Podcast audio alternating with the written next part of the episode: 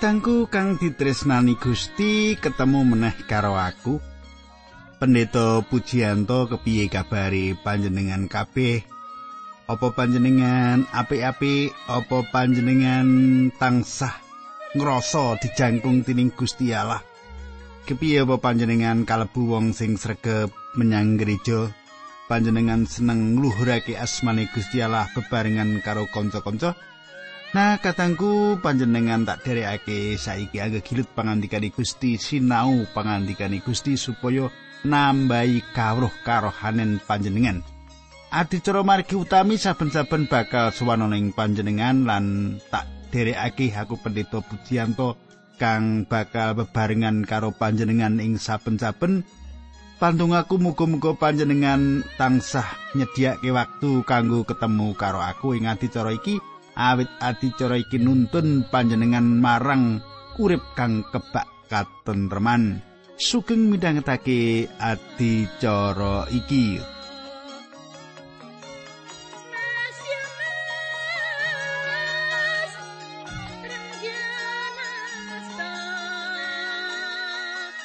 Katangku kang ndak tresnani, kita ketemu kepungkur, wis nyemak yen bangsa Israel keparingan dawuh saka Gusti supaya gawe tabut perjanjian Allah utawa papan kalenggahane Allah bebarengan karo pirantine pisan.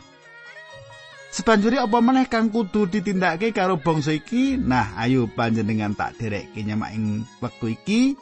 Nanging sadurunge aku ngaturake salam dhisik karo Bapak Sagio, ya Bapak Sagio. Kulo nomeri serat panjenengan menika sampun nomor 5578 Pak Sagio. Kados pundi menapa panjenengan tasih asring midhangetaken margi utami menika? Serat panjenengan ingkang nirat makaten Pak. Minangka jejere tiang pitados, Pak Puji ingkang kirang paham bab-bab pangandikan Gusti.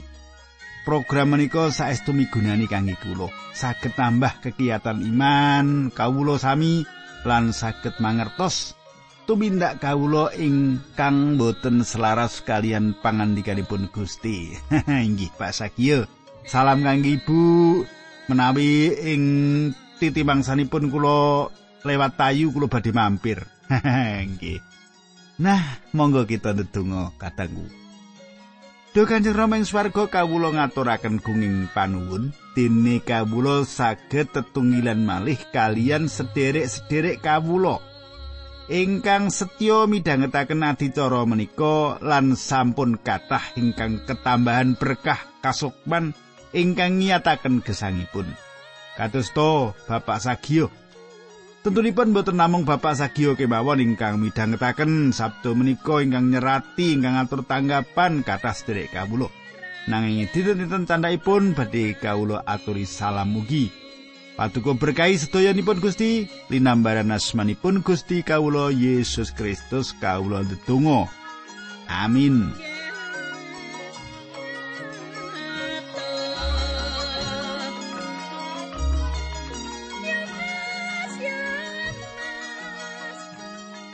Kadangku ana barang telu kang mapan ana ing papan kudus.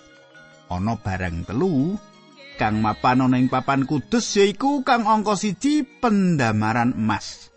Sing angka loro meja roti sesausan, sing angka telu mesbeh kanggo ngobong dupa. Papan kudus iki yaiku papan kang kanggo pangibadah. Pendamaran emas iku salah siji gambarane Sang Kristus kang paling sempurna kang kita duweni. Pendamaran emas. Meja sesausan meratelake bab panjenengane kang dadi roti panguripan. Mesbeh papan nganggo ngobong dupa meratelake gegambarane donga. Gusti yaiku kang dadi pantoro kang agung tumrap kita, kita ndedonga marang Sang Rama lumantar panjenengani lumantar Gusti Yesus Kristus meja roti sesausan ana kono duwe rolas potong roti utawa aku nulis rolas iji roti. Akeh keterangan gegayutan kepiye ijiran roti kuwi ditata nanging kang penting dhewe kang kudu dieling-eling yaiku saben potong roti potongan roti utawa ijiran roti nggambarake taler-taler Israel. Kanthi tembung liya Gusti Allah nuju nyawisake yen saben suku ing Israel iku duwe kalenggahan kang padha, duwe kalungguhan kang padha, sederajat ora ana sing luwih, ora ana sing kurang padha ana ngarsane Gusti Allah. Nah saiki ayo kita nyemak pangentasan selawe ayat 13. Pangandikane Gusti ing pangentasan selawe ayat 13 iki mratelake mengkene. Gawe meja saka kayu akasia dawane 88 cm, ambane 44 cm lan dhuwure 26 cm. Nek ana basa standar digawe dawane rong hasta, ngono ya. Astoi tangan iki lho ya, ngelengen. Nah kadangku, panjenengan gatekake ing pangandikan iki. Meja roti sesausan dawane 88 cm. Lan ambane 44 cm. Dhuwure 26 cm. Dadi dhuwure meja roti sesausan kuwi padha karo papan kalenggahane Allah. Padha. Saiki ayat 24 apa ning kono? lapisana mas murni sarta mubeng kemput pasangana plisir mas. Ing pinggire meja dilapisi dening emas njaga supaya rotine aja nganti tiba. Saiki ayat selawe lan 6 likur. Gawe wengkune meja sing ambane pitu setengah sentimeter sarta wengku mau ya wenehana plisir mas mubeng. Gawe gelangan saka mas patang iji kanggo slobokan pikulan sarta etrapno ing pojokane papat sacedhake wengku prenae sikile. Kadangku sepisan maneh diceritakake marang kita yen kayu kang kanggo ngusung kuwi kudu dilebokake ing gelang-gelang. Kanthi mengkono meja kuwi bisa digotong nalika bangsa iku mangkat mlaku ing ororo samun meja kuwi kudu digotong para imam Saiki kita nggatekake ayat 17 teka 30. Gelang slobokan pikulan mau kanggo gotong mejani. Pikulan mau kudu digawe saka kayu akasia lan dilapisi mas. Gawe piring, cangkir, kendi lan mangkok sing kena dinggo nyaosake anggur, kabeh mau kudu saka mas murni. Meja mau kudu diselehake ing sangareping peti perjanjian sarta ing sadhuwuring meja kudu tansah ana roti sausan suci kagem aku. Katangku, roti iku tandane Sang Kristus. Awit saka iku meja sawijining tondo saka Sang Kristus. Kabeh mau nggambarake Sang Kristus. Meja roti sesausan nggambarake werna-werna. Meja meratelake gegayutan karo panganan yaiku kepiye nyediakake lan sak panunggalani. Lan perkara iku sawijining meja keselamatan. Gusti Yesus paring sawijining pasemon ing Injil Matius 12 ayat 1 nganti 14. Matius 12 ayat 1 tekan 14 kang critakake bab neningkahane anake lanang sawijining raja. Para tamu kang diulemi ora gelem teka lan awit kedadian iki dadi jalaran raja mau bang mawingo-wingo nesu. Awit anggone ngulemi ditampik, banjur sang raja dawuh supaya ngulemi wong-wong ing dalan-dalan gedhe, dalan cilik. Kon padha teka. Wong-wong mau diulemi supaya mangan. Semono kang kedadian ing jaman saiki uleman iku wis diwartakake ing jagat iki supaya wong gelem teka lan melu bebarengan ana ing keselamatan kaya kang wis dicawisake Gusti Yesus Kristus. Kadangku Gusti Allah minangka jejering kang nitahake nyawisake kabeh panganan kanggo manungsa lan kewan. Seneng utawa ora, panjenengan wis dahar saben dina ing mejane Gusti secara tata lahir. Nanging imane mung setitik wong kang ngerti kayekten iki lan ngaturake gunging panuwun marang panjenengane atas kaluberan berkah saka panjenengan iki. Gusti Allah yaiku kang jangkung kita. Meja iki uga meratelake bab bujana suci. kang wis ditindakake Gusti Yesus sadurunge panjenengane seda ana ing kayu salib. Iki minangka meja kanggo wong-wong kang percaya, meja roti sesausan, sawijining gegambaran kang durung jangkep saka Sang Kristus minangka jejering Gusti kang ngrumat tata kasukmane wong kang percaya. Meja digawe saka kayu akasia lan disaput emas. Kayu akasia kang kuat kuwi nggambarake kamanungsane Gusti Yesus. Kayu kuwi hasil saka bumi, nanging ora teluk karo proses kimiawi. Panjenengan tentu pirsa menawa kita uga mengkono, kita uga saka unsur bumi lan bakal bayi Gusti Yesus ana ing sajroning kandutan wong wadon kang isih perawat. Emas meratelake gegambaran bab kealahane, nanging emas ora dihasilake saka bumi, Mas iku pinisah saka panjenengani. Sang Kristus iku dudu produk bumi ing kealahane. Panjenengani iku Allah. Panjenengani asale saka kamulyan. Katengku, ing meja ana rolas siji roti. Meja lan roti nggambarake minangka kamanunggalan. Roti iku diganti saben dina sabat. Roti kang diganti kuwi dipangan karo anggur dening keluarga imam ing papan suci. Meja iki dudu nggambarake Sang Kristus kanthi cara kang padha kaya mana. Senadyan loro-lorone mratelake bab Sang Kristus gegayutane ora padha. Mana mratelake Sang Kristus kang dadi jejering kang peparing urip. Panjenengane nafsirake perkara iki piyambak ana ing Yohanan 6 ayat 32. Yohanan utawa Yohanes 6 ayat 32 mangkene surasane. Gusti Yesus tuli ngendika marang wong-wong mau, "Aku kondo satemene marang kowe, roti sing diparingake dening Nabi Musa kuwi roti saka swarga sing maringi roti sejati saka swarga marang kowe kabeh kuwi ramaku." Ora suwe sak banjure ing Yohanan 6 ayat 35 Gusti Yesus ngendika, pangandikane Gusti Yesus, "Aku iki roti sing nguripi." Sing sapa marani aku ora bakal luwe meneh lan wong sing pracaya marang aku ora bakal ngelak maneh. Kadangku. Roti sesausan uga meratelake bab Sang Kristus minangka jejering pangrimating urip. Urip langgeng sawijining peparing lan sawijining mana kang tumurun saka swarga. Wong kang nampa mana nampani urip langgeng Nanging urip langgeng mbutuhake sawijining panganan mligi kanggo supaya awet lan mitulungi tuwuh lan antuk kekuatan.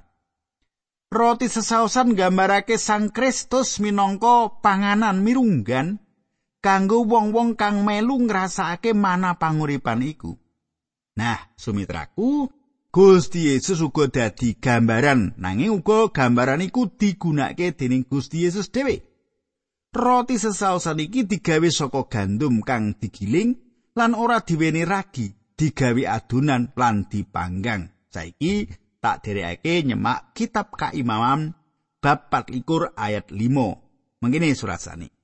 Jupu glepung gandum pilihan rolas kilogram lan gawe roti rolas siji. Sebanjure kita uga nemokake pangandikane Gusti Yesus sing Yohanes rolas ayat 24 mengkene surasane. Padha elinga yen wiji gandum sing ditandur ing lemah lan mati, wiji mau ora bakal tetep mung segelintir wae. Nanging sawise wiji mau mati, bakal ngetokake woh akeh. Gusti Yesus Kristus digiling ing papan panggilingan kasangsaran. Ing sajrone dukane Sang Kristus ngendika ing Yohanes 12 ayat 17.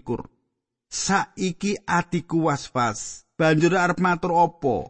apa aku kudu matur Rama mugi sampun negake kawula ngalami kasangsaran menika ora sebab anggonku urip tekan seprene iki perlune supaya ngalami kasangsaran mau Saiki Yohanes 12 ayat 31 nganti 32 nyaritakake marang kita menawa panjenengane digawa ing sadroning geni kasangsaran lan paukuman. Coba panjenengan semak. Saiki wis tekan wektune jagat iki diadili. Saiki panggedene jagat iki bakal ditelokake. Mengko samangsa aku wis dipanjer, aku bakal ngending wong kabeh melu aku. Kadangku, Gusti Yesus wungu saka pati ing sajroning urip kang anyar awit jiwa kagungane ora mirsani kabubrukan.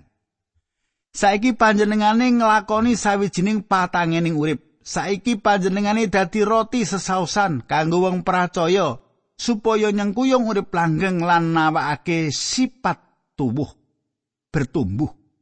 Wong Kristen kudu sinau marang Sang Kristus kang asipat gesang. Wong Kristen kudu nampani Sang Kristus kaya dene kahanani saiki lenggah ing sisih tengene Allah. Gusti Yesus paring pangandikan, "Aku iki roti ning panguripan."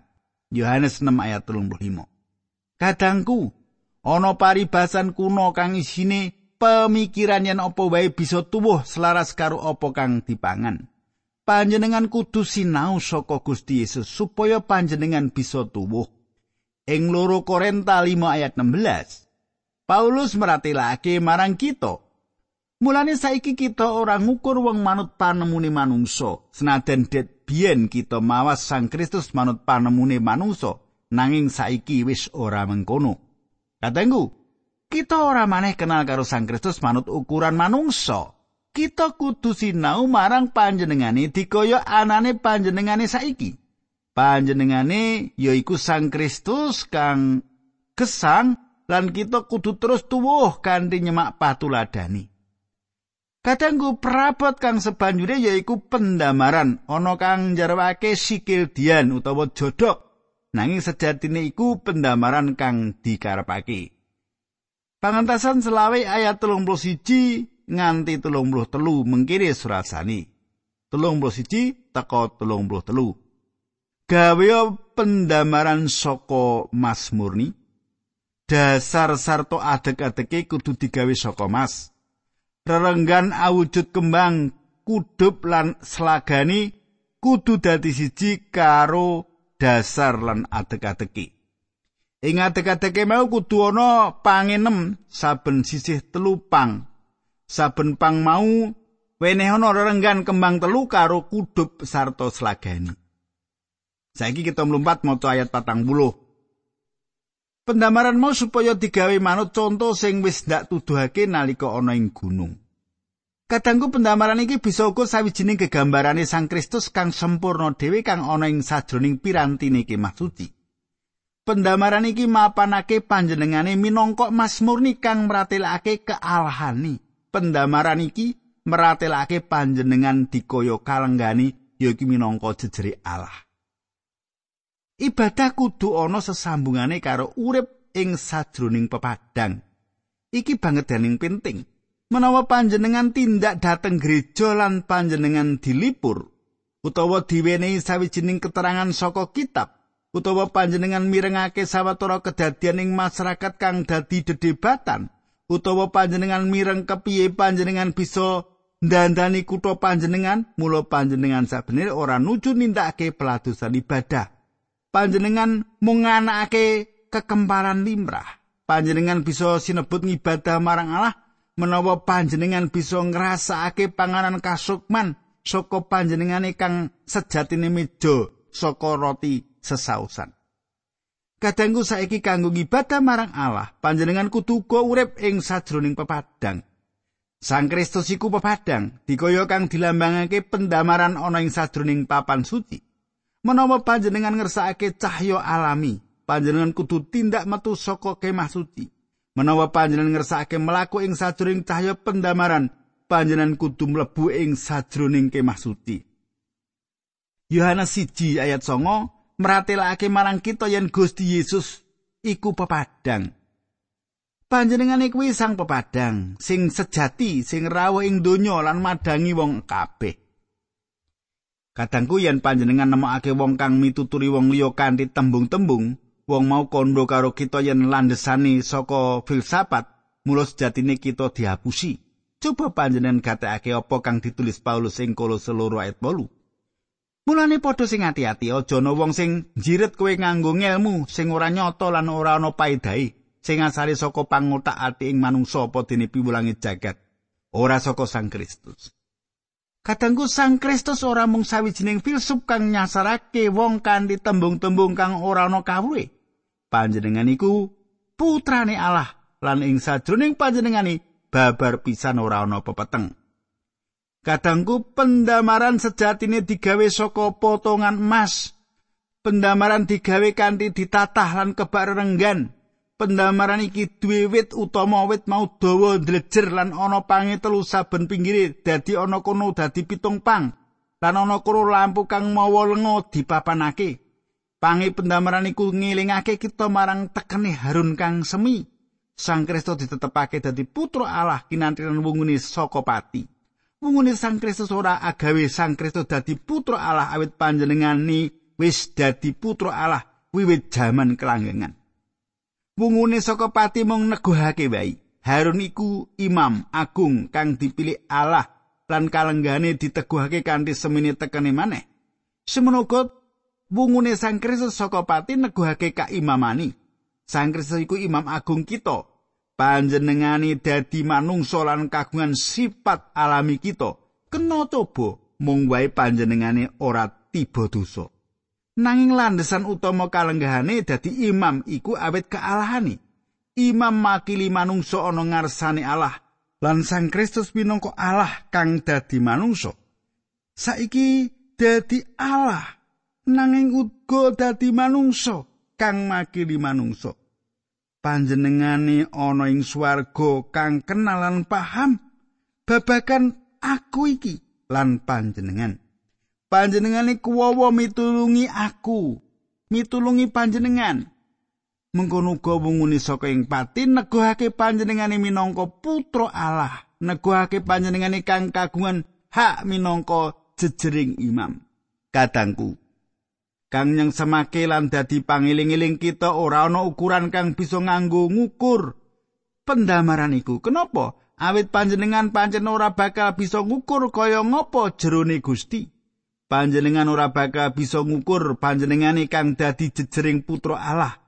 Panjenengan ora bisa paham nanging panjenengane uga dadi manungsa kang sempurna. Kaalane uga kamanungsane ora tau dadi siji. Katangku pedamaran iku menehi pepadang ing papan suci. Papan kuwi kanggo papan ngibadah. Panjenengan gatekake pendamaran kuwi nyekeli lampu-lampu kang murup. Koso baline lampu-lampu mau meratelake kaendahan saka pedamaran mau. Lengo ing sadroning lampu mau nggambarake Sang Roh Suci. Sang Kristus ngendika bab Sang Roh Suci ing Yohanes 14 ayat 6. Dene sing arep mulangake sakabehing perkara mau marang kowe kuwi Sang Roh Suci. Panjenengane kuwi Sang Juru Tetulung sing bakal diutus dening Sang Rama atas saka jenengku. Sang Juru Tetulung kuwi sing bakal ngilingake kowe perkara-perkara sing wis ndak wulangake marang kowe. Kadangku, nalika panjenengan lan aku sinau pangandikane Gusti bebarengan, kita ketemu karo pribadine Sang Kristus lan Sang Roh Suci kang ngatonake marang kita padha karo lampu-lampu kang ngetingalake kaendahane pendamaran kuwi. Sang Roh Suci meratelake Sang Kristus kang minangka putrane Allah. Panjenengane kang rawing jagat kang makili kita lan kang gesang ana ing kasuwargan kanggo dadi pantoro kita. Katengku saiki kita ngancik ing pangentasan 6 likur, monggo kita nyemak ayat siji saka pangentasan 6 likur. Meratelake mengkene. Kemah suci kuwi palenggahanku jerone kudu kok gawe saka kain lena alus 10 potong ditenun nganggo benang biru wungulan abang. Kain mau sulamono gambar kerup nganggo swiwi. Kadangku panjenengan gatekake panutup kain linen iku indah lan alus. Saiki ayat pitu. Gawe tutup kemah nganggo kain 11 potong saka wulu wedhus. Panjenengan semak tenda-tenda iki kudu dijahit bebarengan. Ayat 8 kain-kain mau ukurane kudu padha dawane 13 meter ambane 2 meter Kadangku dawane saben tenda mau 13 meter kang ateges tenda mau bisa sabutuhe nutupi puncak lan pinggiring kemah suci. Tenda-tenda iki dicagaki bebarengan karo selobukan lan gelang. Amin. Kadangku kepiye teruse perangan iki Nabi Musa bakal mani keterangan kang gamblang mono kita gatekake ing ayat-ayat sateruse nanging patemon kita ing candake. Aja lali ketemu karo aku dina candake saiki monggo ndedonga. Kanjeng Rama ing swarga kawula ngaturaken kuing panuwun menawi paduka saged berkahi kawula wonten ing adicara menika. Dinambaran asmanipun Gusti Yesus Kristus kawula tunggu. Haleluya. Amin.